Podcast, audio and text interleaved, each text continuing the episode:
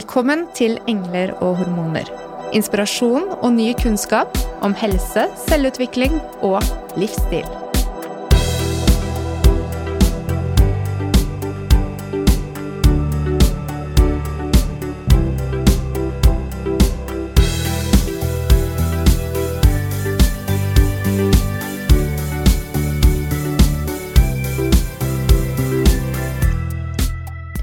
Hva er egentlig det å ha et lykkelig liv? I filosofien så finnes det ulike teorier. I antikkens Hellas for eksempel, så mente Aristoteles at det handlet om å utvikle intellektuelle og moralske dyder, i tillegg til å ha vennskap, rikdom, helse og aktelse. Mer stoiske og kyniske retninger mener at det handler om dyd og det å fjerne seg fra begjær eller ytre ting, og at dette vil skape en indre ro. I mer moderne tid så handlet det mer om moralsk livsførsel, mens på 1800-tallet så snakket vi mer om å oppleve nytelse og fravær av smerte. En annen måte å se på lykke er å se hvor fornøyd man er med sitt eget liv. Men det kan også foreligge et stort press i kulturen på det å være lykkelig. I de tidligere episodene vi har hatt med mentaltrener Anniken, så har vi vært innom ulike aspekter av de store filosofiske tankene. Og de lever i oss, og de lever i samfunnet. Men hvordan forholder vi oss da til lykke og eget liv etter en tid med sosial nedstengelse og kun digitalt samvær? Hvor gode er vi da til å se på egen lykke og sette intensjoner for å endre på de faktorene som kan gjøre oss mer fornøyd med det som er aller nærmest, nettopp vårt eget liv. Så velkommen til studio i dag, Anniken. Tusen takk. Det er eh, som alltid veldig hyggelig å få være her sammen med dere. Og riktig godt nyttår. Ja, i like måte. Og hvordan, eh, hvordan, har året startet sånn for din del, Anniken? Det har startet uh, ganske sånn uh, full on, for å si det sånn. Det var masse kurs og uh, forpliktelser som jeg hoppet rett inn i um, etter nyttår. og som mentaltrener så Vi har snakket mye om struktur og planlegging, så egentlig er jeg ganske god på planlegging. og jeg hadde planlagt å ha fri i julen. Og så blingset jeg litt i kalenderen min da jeg booket inn noen kurs jeg skulle holde på nyåret, så eh, det ble litt jobbing i julen, og rett inn i en ganske hektisk uke. Så, men eh, man lærer jo av alt.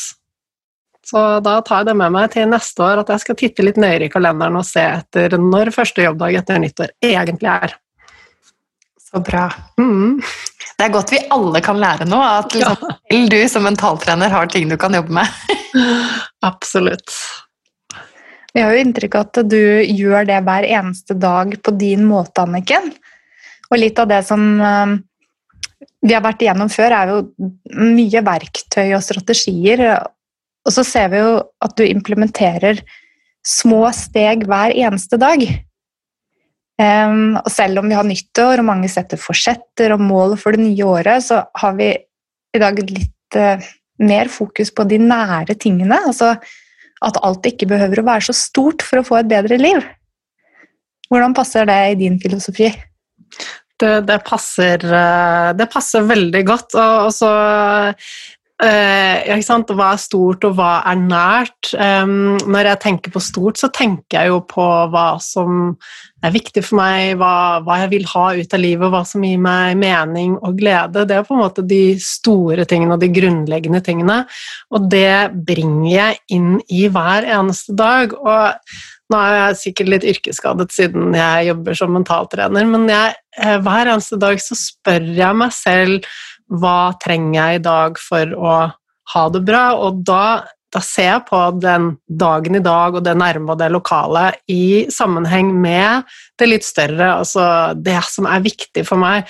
For når jeg tar valg gjennom dagen, så vil jeg jo at de skal bidra til eh, den retningen jeg har lyst til å gå, og det som er viktig for meg, og at det skal bidra til det livet som, som jeg har lyst til å leve, da. Um, hvis det var et oppklarende spørsmål eller svar. Det er jo typisk at vi overvurderer hvor mye vi får gjort i løpet av én dag, og så undervurderer vi hvor langt vi kan komme hvis vi jobber systematisk over tid. Mm. Og um, mange så synes jo at disse høye kravene til nyttårsforsett eller store mål, det kan føles så langt unna at det å i det hele tatt starte, det, det kan være tøft. Og så samtidig, hvis du får et par dager der ikke alt går som planlagt, så er det veldig lett å gi opp. Så det er jo veldig klassisk. Det har vi hørt hvert år, på en måte, at ja. ja. Men vi har jo to år bak oss som har vært litt spesielt. Mm. Fordi 2020 um, har nok påvirket oss på ulike måter. Um, sånn, sett på det mentale, Anniken, hva gjør et år som 2020 med oss?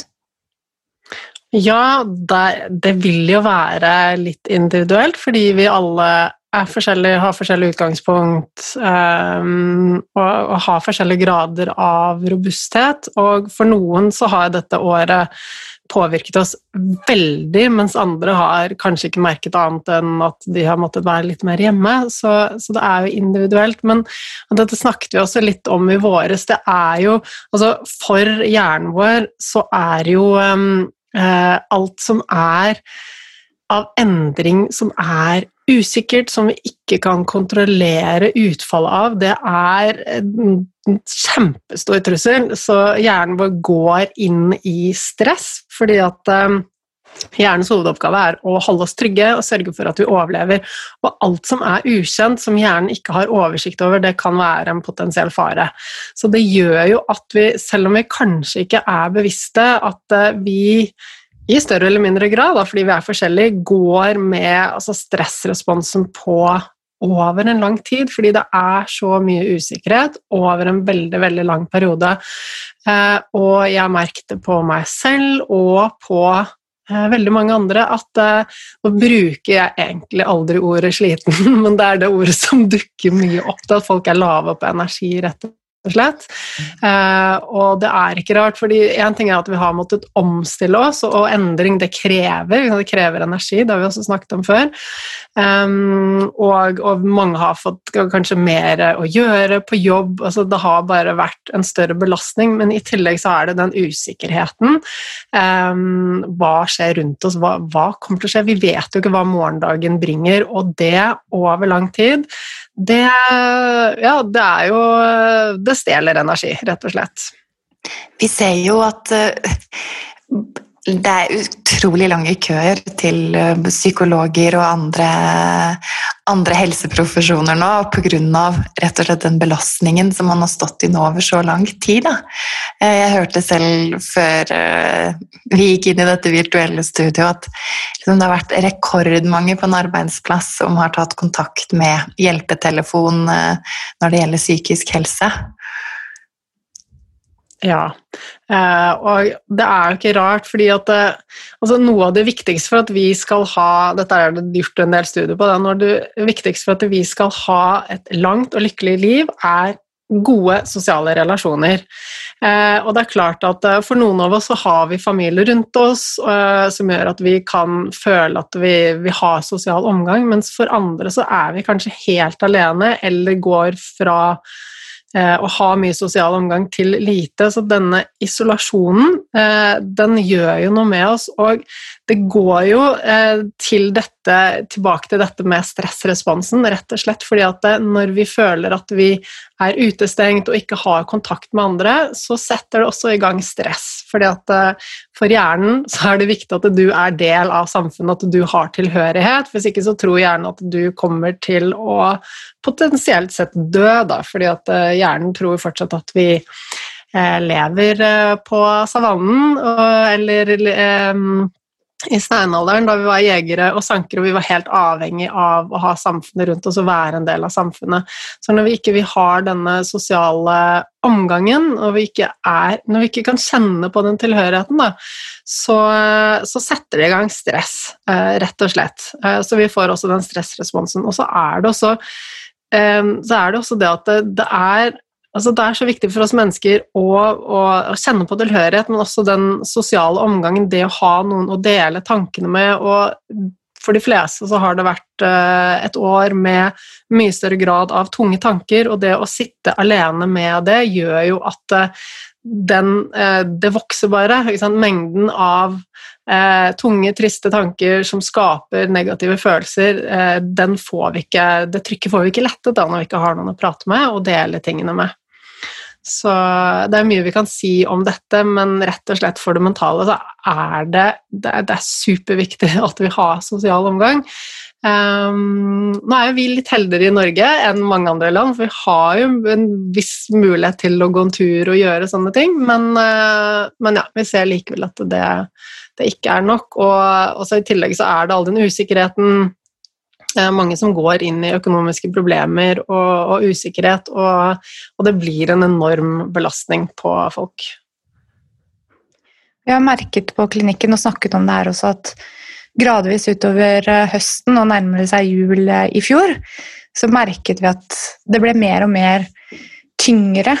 Eh, ikke tungt å gå på jobb fordi vi elsker jobben vår, men alle konsultasjonene jevnt over inneholdt mer av sparring rundt disse spørsmålene med hvordan det har vært å leve med den belastningen som da kom spesielt fra mars i fjor.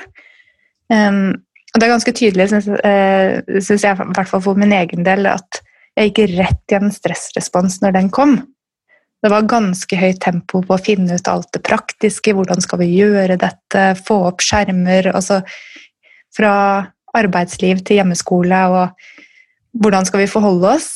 Men så har det jo vært nettopp det uforutsigbart over tid. Hva skjer med skolen i morgen? Hvordan organiseres barnehagen? Hva gjør vi med henting og levering? Endring av tidspunkter? Altså det er mange som etter hvert kjenner på den totalbelastningen. Jeg husker en gang du sa Anniken, at stress er summen av alt. Mm. Så når vi går med det, da um, Hvordan er det påvirker vår mentale kapasitet når man har den tilleggsbelastningen over tid? Skjer det noen endringer i forhold til hvordan vi fungerer som mennesker? Mm, ja, absolutt, det gjør det. Eh, og um, ja, uten at jeg skal gå inn i en veldig lang avhandling om hva som fysiologisk skjer i kroppen, så det skjer jo endringer når vi aktiverer stressresponsen, for den har en hensikt. Den skal hjelpe oss i en farlig situasjon.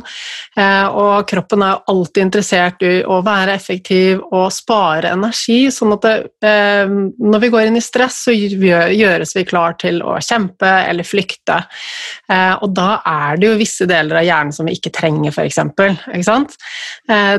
Ting i hjernen som har med kreativitet, f.eks., det å være fleksibel, det å kunne ha humor eh, og alle disse tingene som vi ikke trenger når vi skal kjempe og flykte. Hva er det vi trenger når vi skal kjempe og flykte? Vi trenger instinktene våre, og vi trenger Vi går rett til de gode, gamle vanene våre som er godt innarbeidet. Det er lite rom for altså, mental frihet. Da. Altså, vi blir eh, mye eh, i større grad eh, fastlåste eh, sånn mentalt sett.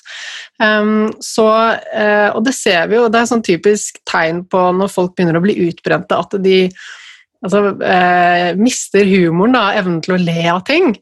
Um, jeg må jo si at jeg selv jeg har litt tendenser til å være fastlåst noen ganger, og på noen områder, ikke alle. Og når det er én ting som, som, jeg jobber med, så er det å, å, egentlig bli bedre på humor. For jeg kan så veldig lett gå inn i litt sånn eh, Få veldig fokus og skal jobbe og, og alle de tingene. Og så, så, lever jeg med en mann da, som er um, han, har, han, er opptatt av humor, og, og, han kan eh, komme med en del kommentarer til meg som, um, Uh, hvor han er ironisk, men hvor jeg ikke skjønner det. og så er det like flaut hver gang. og jeg går rett i fellen og bare er tilbake og uh, reagerer, og så bare Å, nei, men han mente det bare sånn, ja. han prøver å være morsom.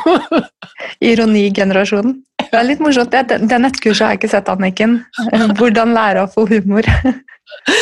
Nei, så det er noe jeg jobber med selv. Da. Og det handler jo om det at eh, når vi ikke er avslappet, når vi går inn i stress, så er det, det er ikke rom for kreativitet og humor og alle de tingene som vi forbinder med velvære. Da, og ha, være avslappet og ha det gøy. Eh, vi blir veldig altså, fastlåste og strikse da, i tankesettet. Så ja. Og så ser man jo absolutt det at det er større mangel på fysisk aktivitet også. Kanskje ironisk nok, siden eh, flesteparten nå sitter hjemme på hjemmekontor. Og det vil også ha en påvirkning på, på det, akkurat eh, det mentale, da. Ja, ja, og det er jo altså det er så mye vi kan si om, eh, om fysisk aktivitet, men vi vet jo at det, det å være aktivitet det hjelper oss jo å forbrenne stresshormonet og avreagere. Og bare for å forklare det på en enkel måte, da, når vi hvis vi ser for oss eh, en sebra på savannen, eh, og så kommer det en løve Så sebraen kanskje den gresser og slapper av, og sånn, så plutselig kommer det en løve, og da går sebraen i fullstendig fight-flight, stress. ikke sant? Og den responsen som sebraen opplever, er jo det samme som vi opplever når vi går inn i stress. ikke sant? Vi skal kjempe eller flykte. Og det bygger seg opp et overskudd av energi, og vi har stresshormoner, og det bare det bygger seg opp i kroppen, mens sebraen den løper og løper og løper og løper. og løper, og løper. Til slutt så løper den fra løven, så kan den slappe av. ikke sant? Og så fortsetter den da helt rolig og bare fortsetter å gresse.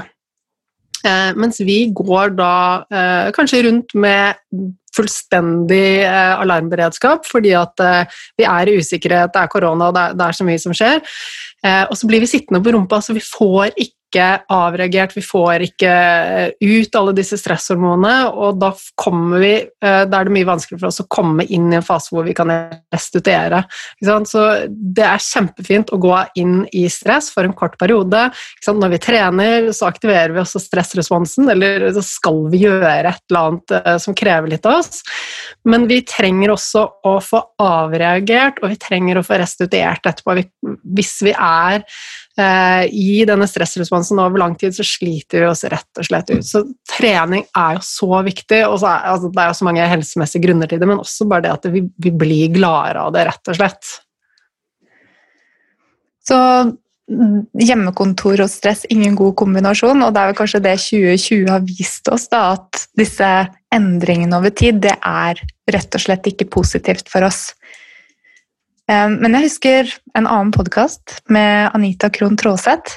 Ganske tidlig i 2020 hun la fokus på dette at når ting endrer seg, så er det de som klarer å omstille seg og finne de nye måtene å gjøre ting på, som kommer til å vokse, og som kommer til å komme ut av situasjonen på en god måte. Kanskje rett og slett ha vekst i en vanskelig fase.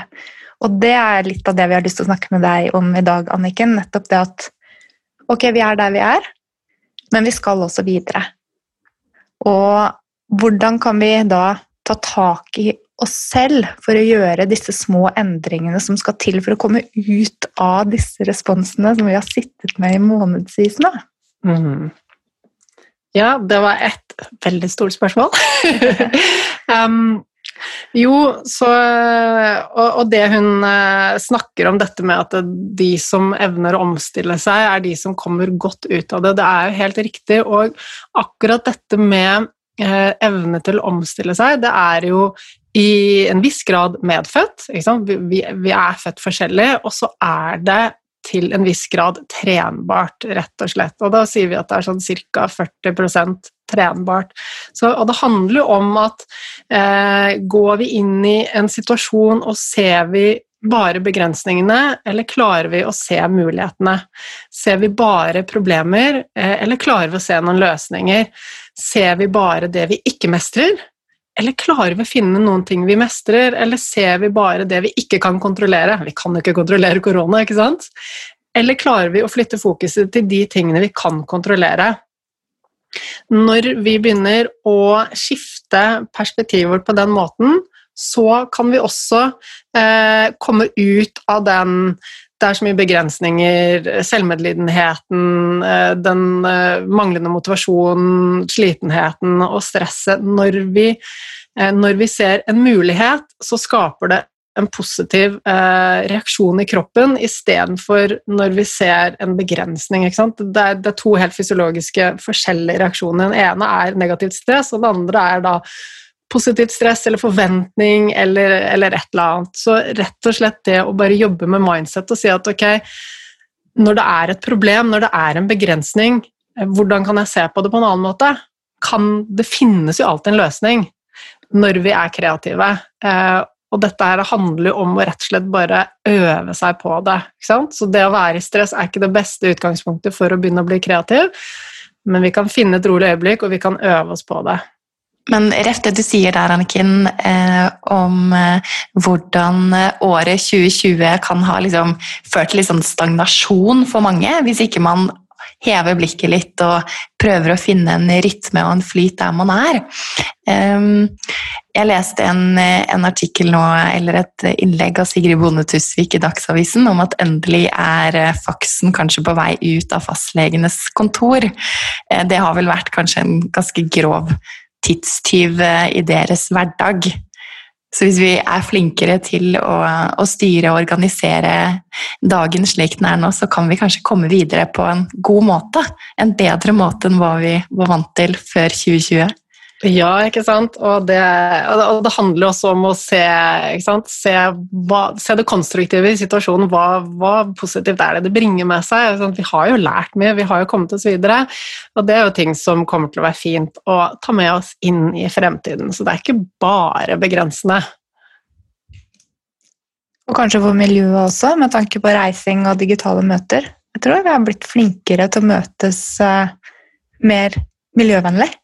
Ja, det tror jeg helt klart at en del kommer til å kutte ned på, på reising. Um, så får vi se hvilken effekt det har på miljøet på sikt. Det er lov å krysse fingrene. Men uh, alt dette digitale, så det er mye her vi får inntrykk nå, både media og sosiale medier. Hvordan kan det påvirke oss og vår mentalitet, at vi får uh, den type input? Mm. Det er fint at du spør. og det er jo sånn at alt det som vi tenker inn i hodet vårt, eh, og alt det som vi Alt det som sansene våre tar inn, rett og slett, det påvirker hvordan vi føler oss. Eh, og, og det vi leser og hører i media, det skaper en reaksjon inni kroppen vår. Det påvirker hvordan vi føler oss. Um, og jeg bare merket det selv. Nå er ikke jeg er ganske god på å minimere bruken på, eh, på nyheter, eh, fordi at det rett og slett det Jeg ser at det, det, fjern, det gjør noe med fokuset mitt, og det gjør noe med energien min. Og så var det vel i går, tror jeg, at jeg tror jeg ganske tidlig på dagen sjekket innom flere nyhetssider, og det var den ene dårlige nyheten etter den andre. Og da da kjente jeg med en gang at det var sånn, sånn, sånn, en liten sånn redsel som begynte å dukke opp inni kroppen min. Uh, og det er ikke noe godt. Så nå mener jeg på ingen måte at vi skal bare kutte ut uh, alt av nyheter, for det er selvfølgelig greit å få med seg hva som skjer, men at vi kanskje skal være litt uh, restriktive og litt kritiske til når vi tillater ting inn i hodet vårt, og hva vi tillater inn. Og så går det an å, å kanskje tenke at vi ikke nødvendigvis trenger å starte dagen med å fòre på med masse nyheter, men det går an å sånn, finne sin balanse, bli mer robust, sånn at vi kan takle det som kommer vår vei. For det er helt, helt klart, og så leser vi om mye eh, forferdelige ting i nyhetene, så, så påvirker det oss, rett og slett. Det er lett da, man, hvis man sitter alene og skal være på hjemmekontor hele dagen, at man skal da finne en type input når man står opp, så er det lett å ty til digitale medier. Mm. Men er det der det starter, hvis vi skal sette en intensjon for en god dag og for å endre vaner? At vi kan starte fra morgenen av eh, som et eksempel? Helt klart å starte fra morgenen. Eh, så jeg liker jo hver eneste dag å starte dagen med å tenke etter Jeg tenker etter hva jeg skal den dagen, eh, og så tenke etter ok, hvis jeg skal alle disse tingene i dag, hvem, hvem trenger jeg å være?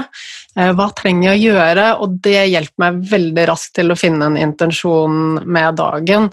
Og, det deler jeg sosiale medier hver dag. Så legger jeg ut på Story hva er min intensjon med dagen. Og grunnen til at jeg gjør det, det er flere grunner til det. Det handler om at jeg um, ønsker å inspirere andre også til å tenke på hva de legger inn i dagen. Men det er også en reminder for meg selv, fordi at uh, jeg glemmer det i løpet av dagen.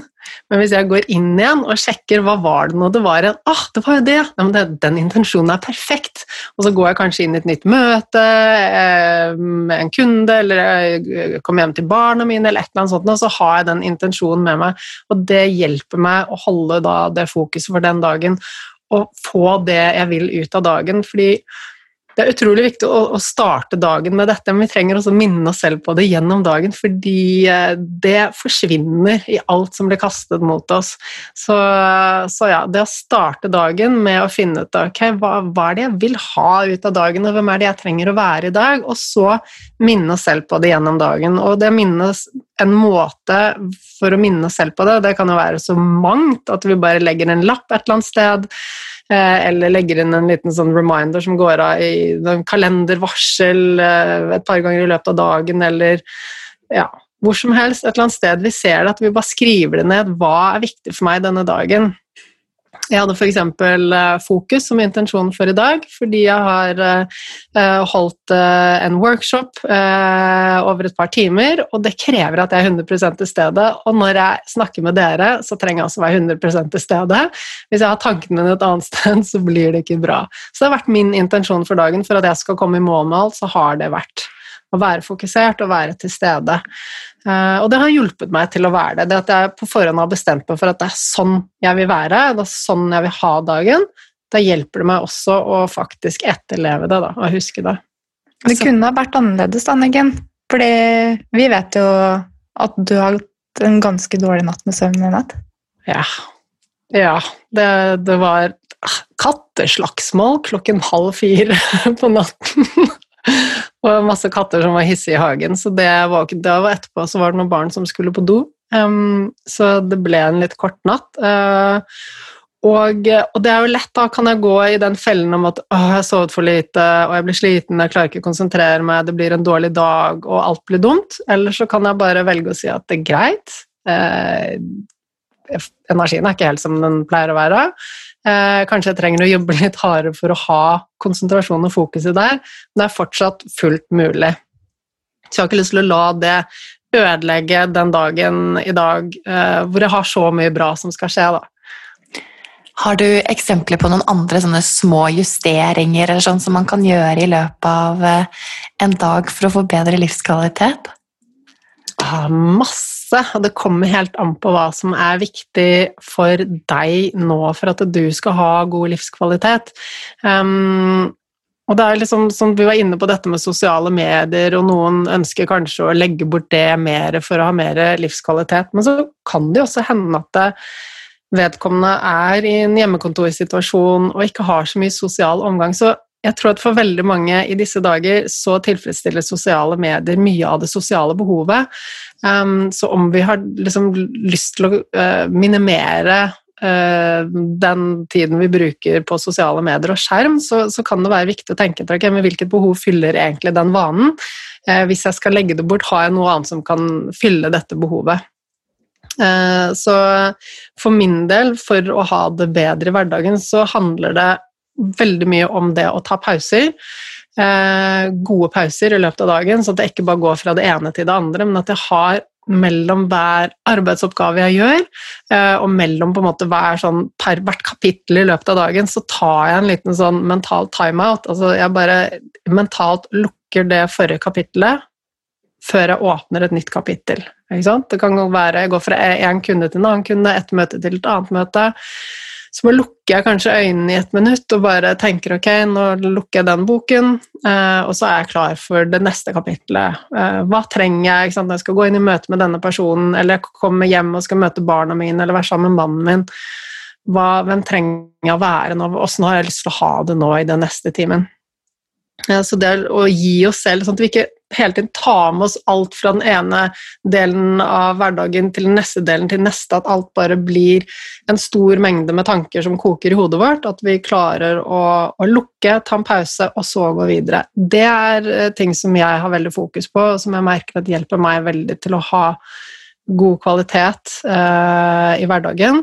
Og det at når jeg gjør noe, når jeg setter av tid til å gjøre noe, eh, så gjør jeg det 100% Hvis jeg har satt av tid til å ta en avspenning, Eh, hvis jeg bare skal drive og tulle og tenke på masse andre ting, og, ikke liksom gjøre mitt beste for at det blir en bra avspenning, så er det litt bortkastet tid. Når jeg har satt av tid til å sitte og skrive noe og gjøre en stykke jobb, så er det bortkastet tid hvis jeg skal drive og sjekke mail samtidig, eller sende meldinger eller tenke på andre ting. Da dedikerer jeg den tiden. Eh, sånn at jeg jobber med å være 100% til stede i hver eneste ting jeg gjør. Når jeg er sammen med barna etter jobb, så er jeg sammen med barna og gjør det jeg kan for å legge bort alle andre ting. Så, så det er liksom Det er masse andre ting jeg gjør for å ha det bra i hverdagen, men jeg tenker at den er en sånn enkle mentale rutiner som ikke koster mye tid og energi, men som vi lett kan gjøre sånn små justeringer gjennom hverdagen som gjør at vi får mer ro i hodet og får mye mer energi. Det er jo nettopp det med sosiale medier og raske inntrykk som kan gjøre at vi hele tiden dras i ulike retninger når det gjelder fokus og tilstedeværelse. Og mm. de justeringene du snakker om nå, det krever jo at man er til stede der man er. Mm. Kanskje ikke like enkelt for alle. Hvis man skal Nei. øve seg på det, har du noen gode tips til hvordan man kan trene seg på å være mer fokusert og tilstedeværende? Ja, så jeg, tenker, jeg tror dette er en utfordring som alle har, fordi vi lever i hurtighetens tidsalder hvor vi er mestere i å multitaske fordi at det kommer inntrykk fra høyre og venstre hele tiden. Um, så jeg tror at det egentlig de fleste uh, kan merke at dette er utfordrende, og det er noe jeg har jobbet mye med selv også. Uh, jeg tenker at det er lurt å velge ut ett område som du har lyst til å øve deg på, som er overkommelig og så kanskje si at du skal øve deg én gang dagen eller to ganger dagen på akkurat dette. Før du begynner å forvente at du skal klare å gjøre det hele dagen, og flere ganger i løpet av dagen, for det går ikke. Så må velge ut eh, ett område, om det er Um, i forbindelse med jobb, at du når du skal sette deg ned og, og, jobbe, altså hvis du sitter på en datamaskin og skal jobbe, at du da legger, altså jeg legger mobilen i et annet rom, for da kan jeg ikke bli fristet til å ta den opp. Um, lukker uh, alle andre faner uh, og setter meg ned og rett og slett jeg tvinger meg selv til å bare gjøre det. Og hver gang jeg kjenner at jeg har lyst til å bare sjekke mailen eller har lyst til å bare gå og sjekke telefonen om det er noe nytt, så tvinger jeg meg selv tilbake. Uh, og det, det, er en ganske sånn uh, tøff øvelse, men det går det an å si at ok, da starter jeg med fem minutter i dag, uh, resten av uken, og kanskje neste uke så starter jeg med, så går, utvider jeg til ti minutter. Og så blir det til slutt noe som vi I starten så vil det være ubehagelig og rart å gjøre det, eh, og så etter hvert vil vi kjenne at dette er deilig. Det gir oss ro, det gir oss eh, fokus. Det gir oss en helt fantastisk følelse, og når vi begynner å knytte masse gode følelser til denne nye vanen, da vil vi i mye større grad gjøre det automatisk. Da blir det motiverende. Det blir ikke noe vi må pushe oss til å gjøre som er ubehagelig fordi det er stressende og rart, men det blir noe som vi trekkes mot. da. Jeg tror um, man har lyst til å være til stede i sitt eget liv. Sant? Og hvis man er oppmerksom på at man faktisk er der man lever, da. At mm. det kjennes mm. ganske fint. Ja, og det er, helt, eh, det er helt fantastisk. Og det er noe jeg har jobbet, jobbet, mye med, og det som på en måte gjorde det for meg også, var nettopp dette med hvordan jeg føler meg. Eh, når jeg, eh, altså jeg bruker sosiale medier veldig mye gjennom jobb, så det blir en del timer på telefonen i løpet av dagen, men det jeg gjør, er at jeg har faste tider når jeg sitter på telefonen og går inn og gjør det jeg skal gjøre. Og så har jeg faste tider når telefonen er et, i et annet rom, når jeg bare ikke har den tilgjengelig. Um, og det var utfordrende for meg i starten, men det jeg kjente, var den utrolig gode følelsen når jeg var til stede i eget liv, med barna mine, med mannen min, med jobben min, eller bare med meg selv, med mine egne tanker. Det ble en så god følelse. Og så kjente jeg også på den ekstreme misnøyen når jeg plutselig oppdaget at jeg hadde sittet og scrollet i 20 minutter uh, uten at jeg bare ante hva som hadde skjedd. Da bare kjente jeg at jeg, Og nå er ikke jeg sånn som uh, altså Jeg driver ikke og kritiserer meg selv hvis det skjer innimellom. Så er det sånn Ok, hva lærte jeg nå? så det er helt greit. Men jeg kjente en voksende misnøye med det, og det gjorde at det ble veldig lett å si at ok, men jeg ja, har ikke lyst til å ha den misnøyen. Hvilke fordeler har du sett selv, Anniken, ved å øke fokusert tilstedeværelse i eget liv, og kanskje hos dine klienter også? Hva er det vi konkret gjør som kan øke livskvaliteten vår? Ja, altså, Det er jo mye, men når vi er til stede, så, så skaper vi ro. Vi går fra å være Når vi er på sosiale medier og, og, får masse informasjon og input hele tiden, så har vi en mye høyere grad av spenning, så vi aktiverer i større grad stressresponsen. Når vi er til stede, så er vi i ro. Så det gir jo så mye energi og god følelse. Eh, og I tillegg så gjør det også det at vi får mye mer ut av livet. Vi kan nyte hvert øyeblikk. Det er én ting. Vi kan føle oss lykkeligere fordi vi faktisk legger merke til det som er bra i vårt liv, og ikke bare ser på hva andre gjør av bra ting i sosiale medier. ikke sant? Eh, men at vi rett og slett eh, klarer å sette pris på vårt eget liv. Og så er det jo også det at det, vi blir mer effektive. Eh, uansett hva det er vi gjør, når vi er 100% til stede i det, så gjør vi den oppgaven bedre, og vi gjør den raskere. Og det er mye mer tilfredsstillende, det skaper mestring, og det gjør at vi får bare så mye mer ut av livet, og kan nå mye lengre og ha det mye bedre. Kort fortalt. du sier der, her, Anniken. Og en ting jeg bet meg merke i stad, som du sa i forbindelse med det å øve på å være mer til stede, er det å knytte positive erfaringer eh, til det målet eller det du skal gjøre. Da. Um, at da er det lettere å bryte de vanene man har, og bryte mønstrene. Mm. Så kan vi da være flinkere til å liksom, ok, hva kan vi gjøre mer av, hva er det som gir meg gode vibber eller god energi og god følelse i kroppen? Ja, absolutt. Um, hjernen vår, den har eh, den, den skal jo holde oss trygge, ikke sant? så den skal holde oss unna farer. Og alt som vi knytter eh, negative følelser til, eller masse sånn ubehag til, det prøver jo hjernen å få deg bort fra å gjøre. ikke sant? Hvis du f.eks. skal eh, skrive en lang, kjedelig rapport på jobben, og så må du sette deg ned og du jobber med den, så tenker du at å, dette er kjedelig og dette er tungt og slitsomt så vil du veldig lett utsette det.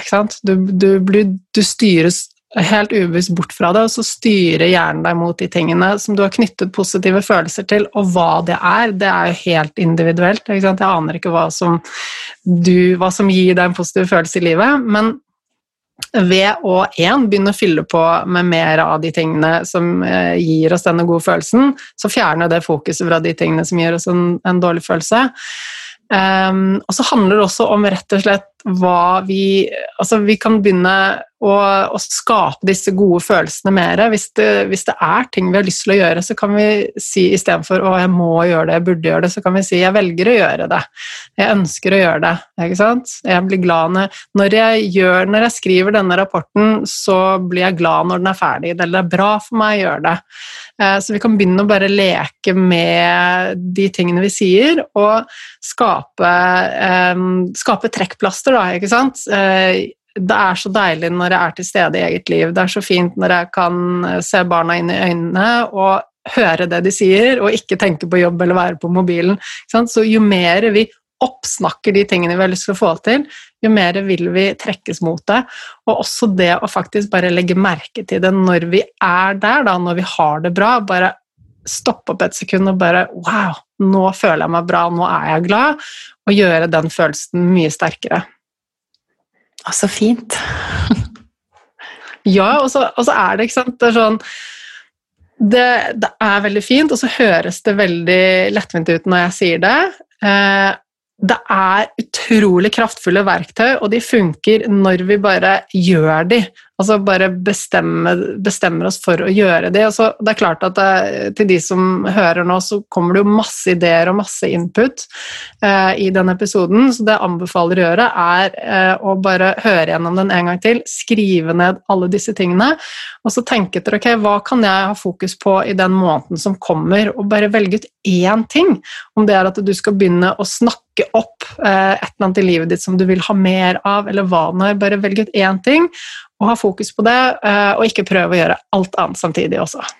For jeg tenker sånn umiddelbart på et klassisk nyttårsforsett. Jeg, skal, jeg må slutte å spise så usunt. Ja. jeg Ønsker, og nå, nå gleder jeg meg til å spise masse mer frukt og grønnsaker, for det gir meg så mye energi. ja. Ja. Og, og, det, og det, er? Det, det er akkurat sånn det er. Eh, når du eh, driver og snakker om eh, altså, Jo mer fokus du har på det du ikke vil gjøre, jo mer programmerer du deg egentlig bare mot den tingen, ikke sant? Eh, for du, du bare skaper mer av det i hodet ditt. Um, så, så ja, selv om du da kanskje synes at eh, det som du da kaller sunn mat, eh, ikke er noe godt, eller du syns det er kjedelig, eller et eller annet sånt noe, så hvis du absolutt vil spise en viss type mat, så gjør det positivt. Snakk det opp. Jeg velger å spise det, det er bra for meg, det gjør at jeg føler meg bra, jeg blir glad av det, jeg får god helse. Bare snakk så mye eh, Snakk det opp. Skryt av det hver eneste dag. Så skal du se at til, slutt så ønsker du bare å gjøre å spise den tingen.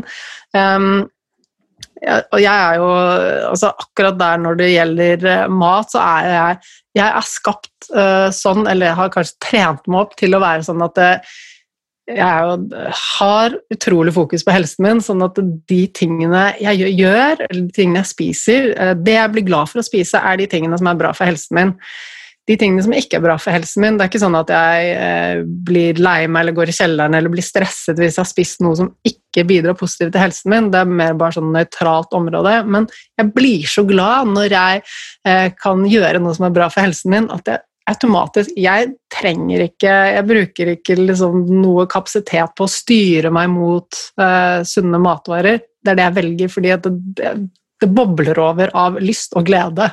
Og jeg blir så glad når jeg kan spise noe som er bra for meg. Så det, er jo kanskje eh, i overkant eh, litt mye fokus på akkurat helse. Nå er jeg litt nerdete på det området, men det er jo det er helt klart en ting vi kan gjøre da, hvis vi har lyst til å endre en vane. Bare begynne å snakke den opp så mye som mulig. Så alltid når vi snakker om gode forsetter, da, eller intensjoner, sånn som vi gjør nå, så så er det så lett å snakke om det, men så skal du ut i praksis. Um, og jeg er helt sikker på at du kan ramse opp noen typiske fallgruver, altså sånn feller som vi går i når vi setter oss mål eller intensjoner og skal sette i gang. Hvor er det vi feiler?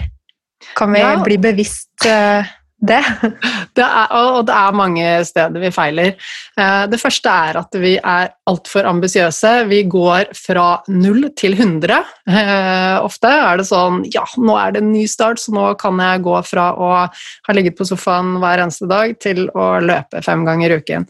Så det er jo um, altfor ambisiøse. Vi trenger å være realistiske og heller ha en opptrapping. Sette sette mål som vi faktisk klarer å få til, fordi at når vi får til disse tingene, så bygger det mestring. Det ødelegger motivasjonen vår når vi ikke får det til. Likevel er det også dette som vi var inne på, dette med selvkritikk og sånn, når vi setter oss et mål, så vil vi aldri klare å gjennomføre som planlagt hver eneste dag. Livet vil komme i veien. Vi Vil, eh, det vil av forskjellige grunner være sånn at vi ikke gjør det vi har planlagt å gjøre.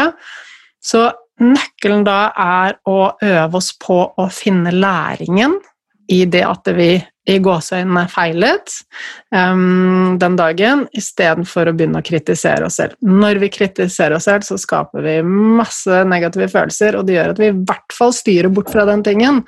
Så hvis uh, nyttårsforsettet er La oss si trene tre dager i uken, og så har det liksom gått en uke, og vi har bare kommet oss ut på én løpetur.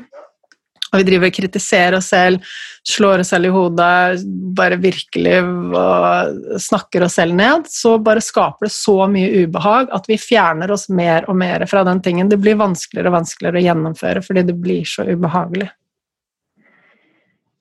Jeg syns ofte vi kan være utrolig flinke til å kritisere oss selv når det er noe vi ikke møter av egne forventninger, men at vi så ofte glemmer å rose oss selv når vi har gjennomført en bra dag.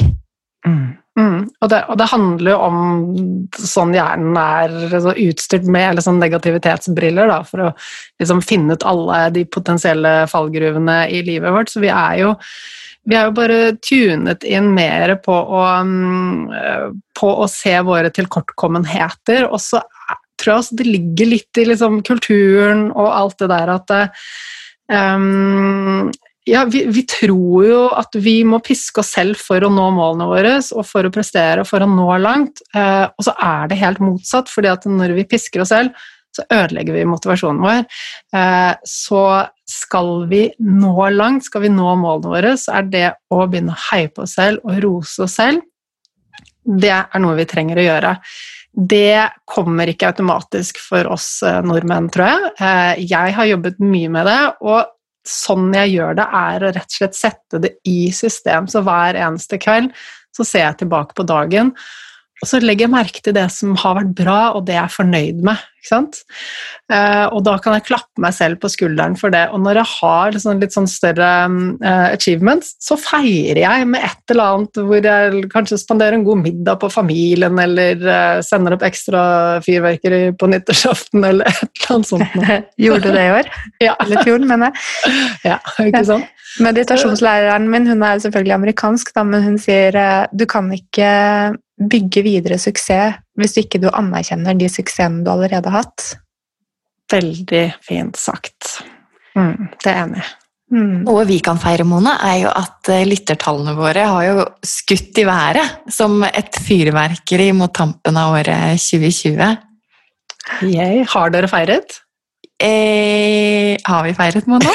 Nei, vi skal jo på duell, da. Ikke det. Uh, så deilig. Ja. Det gleder vi oss til. Litt nå, da. Men allikevel eh, så har vi jo fått inn noen eh, spørsmål eh, fra våre kjære lyttere.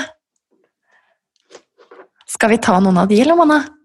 Og stille til vår kjære mentaltrener Anniken? Absolutt. Er du klar for noen lytterspørsmål, Anniken? Yes. Da kommer du som uforberedt til bordet, så da får vi jo direkte reflekssvar fra ja din mentale hjerne. Ja. Så um, en av våre lyttere har spurt uh, oss og deg om du har et verktøy eller en øvelse som du vil fremheve for å endre på negative tankemønstre. Ja. Jeg har veldig, veldig, veldig mange fine verktøy. Um, men før vi i det hele tatt Det er mange som ønsker seg gode verktøy. Eh, og det er lett å kanskje tenke at når vi har et verktøy, så er det en sånn magisk pille som fikser tingene. Eh, det er det ikke.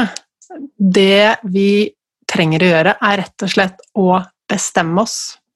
Bestemme oss for at vi vil ha slutt på disse negative tankene. Bestemme oss for hvordan vi vil ha det. Og så, eh, og så jobbe først med å liksom finne ut av hvordan vi vil ha det. Hva er det som er viktig for meg? Eh, vil jeg ha det bra i livet, eller vil jeg det ikke? Ok, Hvis svaret er at jeg vil ha det bra, hva skal til for at jeg har det bra? Jo, det er jo uh, mest sannsynlig å trene meg opp til å ha litt mer konstruktive tanker. Eh, og det er noe vi må bestemme oss for. Vi må rett og slett bruke viljestyrke. Det gjør vondt i starten, det er, det er tungt, eh, det går ikke av seg selv. Vi må rett og slett bare si at det, sånn vil jeg ha det, og ikke sånn. Um, og det som hjelper, er jo på en måte å eh, Det vi jobber mye med, er å få litt, sånn, litt avstand til disse negative tankene. For vi kan lett ta de så innmari seriøst, de blir så altoppslukende, og vi tenker at dette er den eneste sannheten.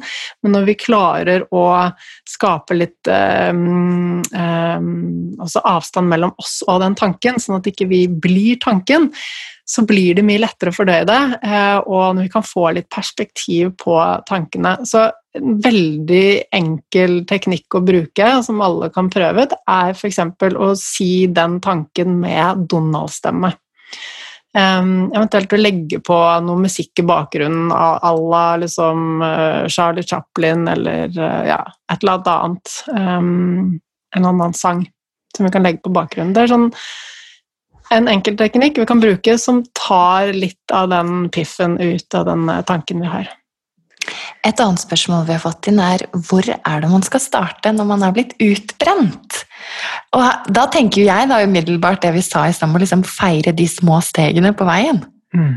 Ja.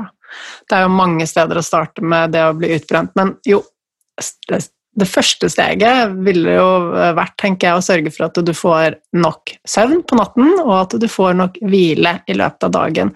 Og da er det ekstra viktig å redusere skjermtid. Fordi at er det noe vi blir slitne av, så er det all den informasjonen som hjernen eh, prosesserer i dagens samfunn, som vår hjerne ikke er designet for å ta imot. Så en stor grad av eh, altså, Grunnen til at folk blir slitne, er rett og slett at de er på hele tiden, og hjernen får overload med informasjon.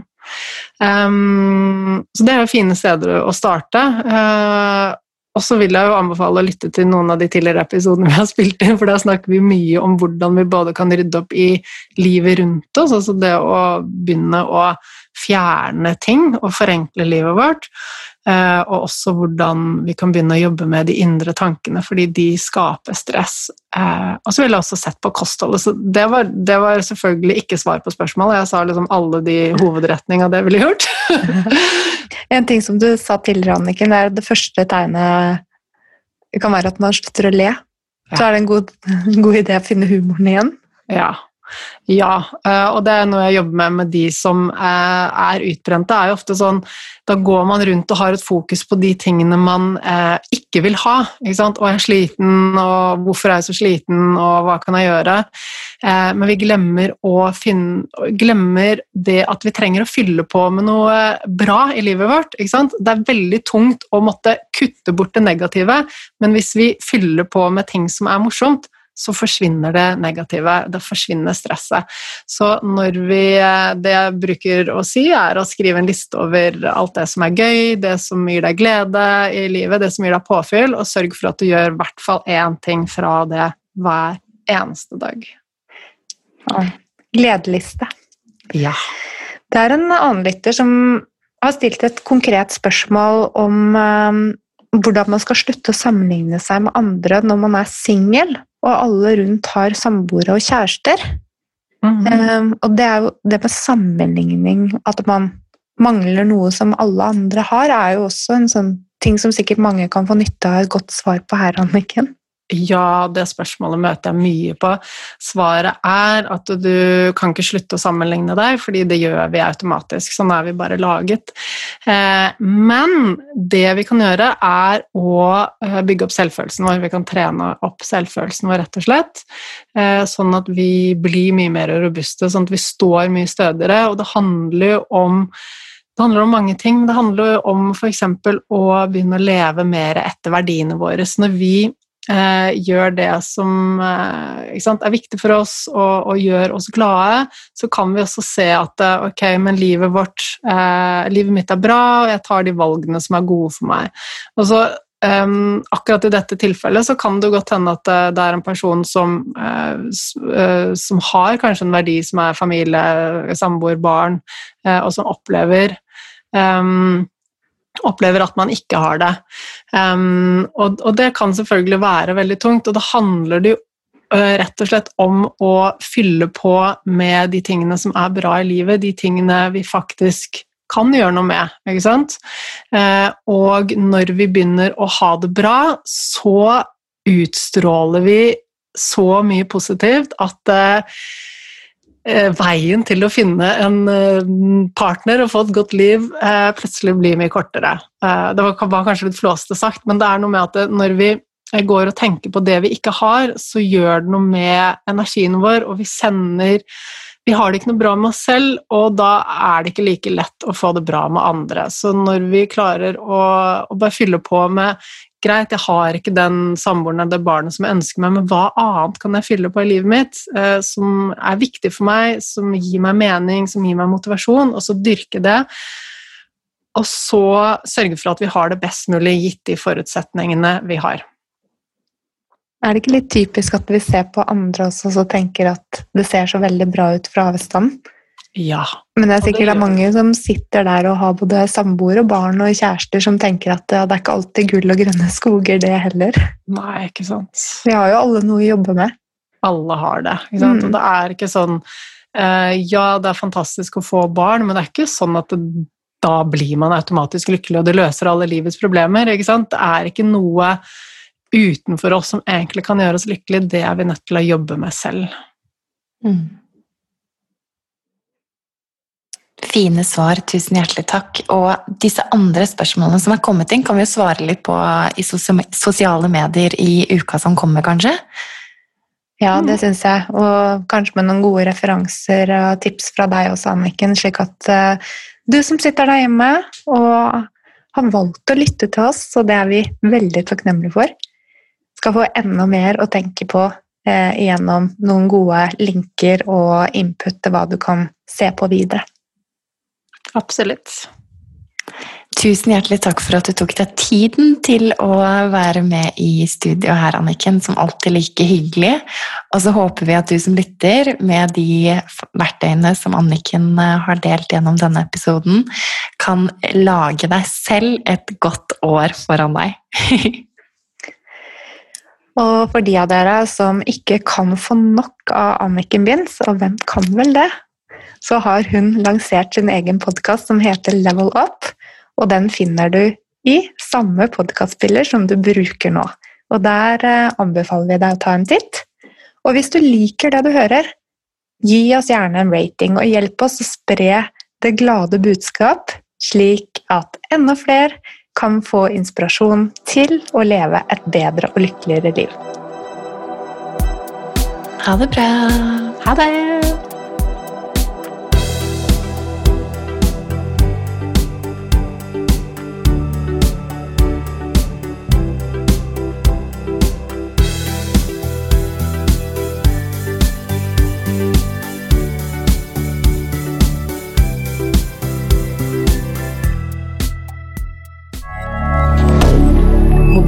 Media.